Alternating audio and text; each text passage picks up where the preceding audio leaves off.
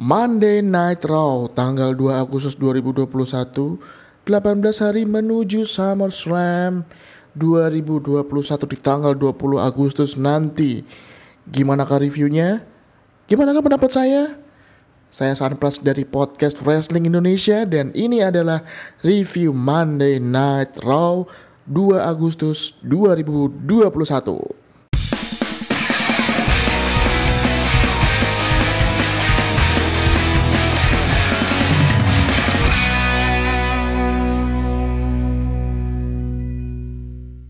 ya gitulah masih sampah.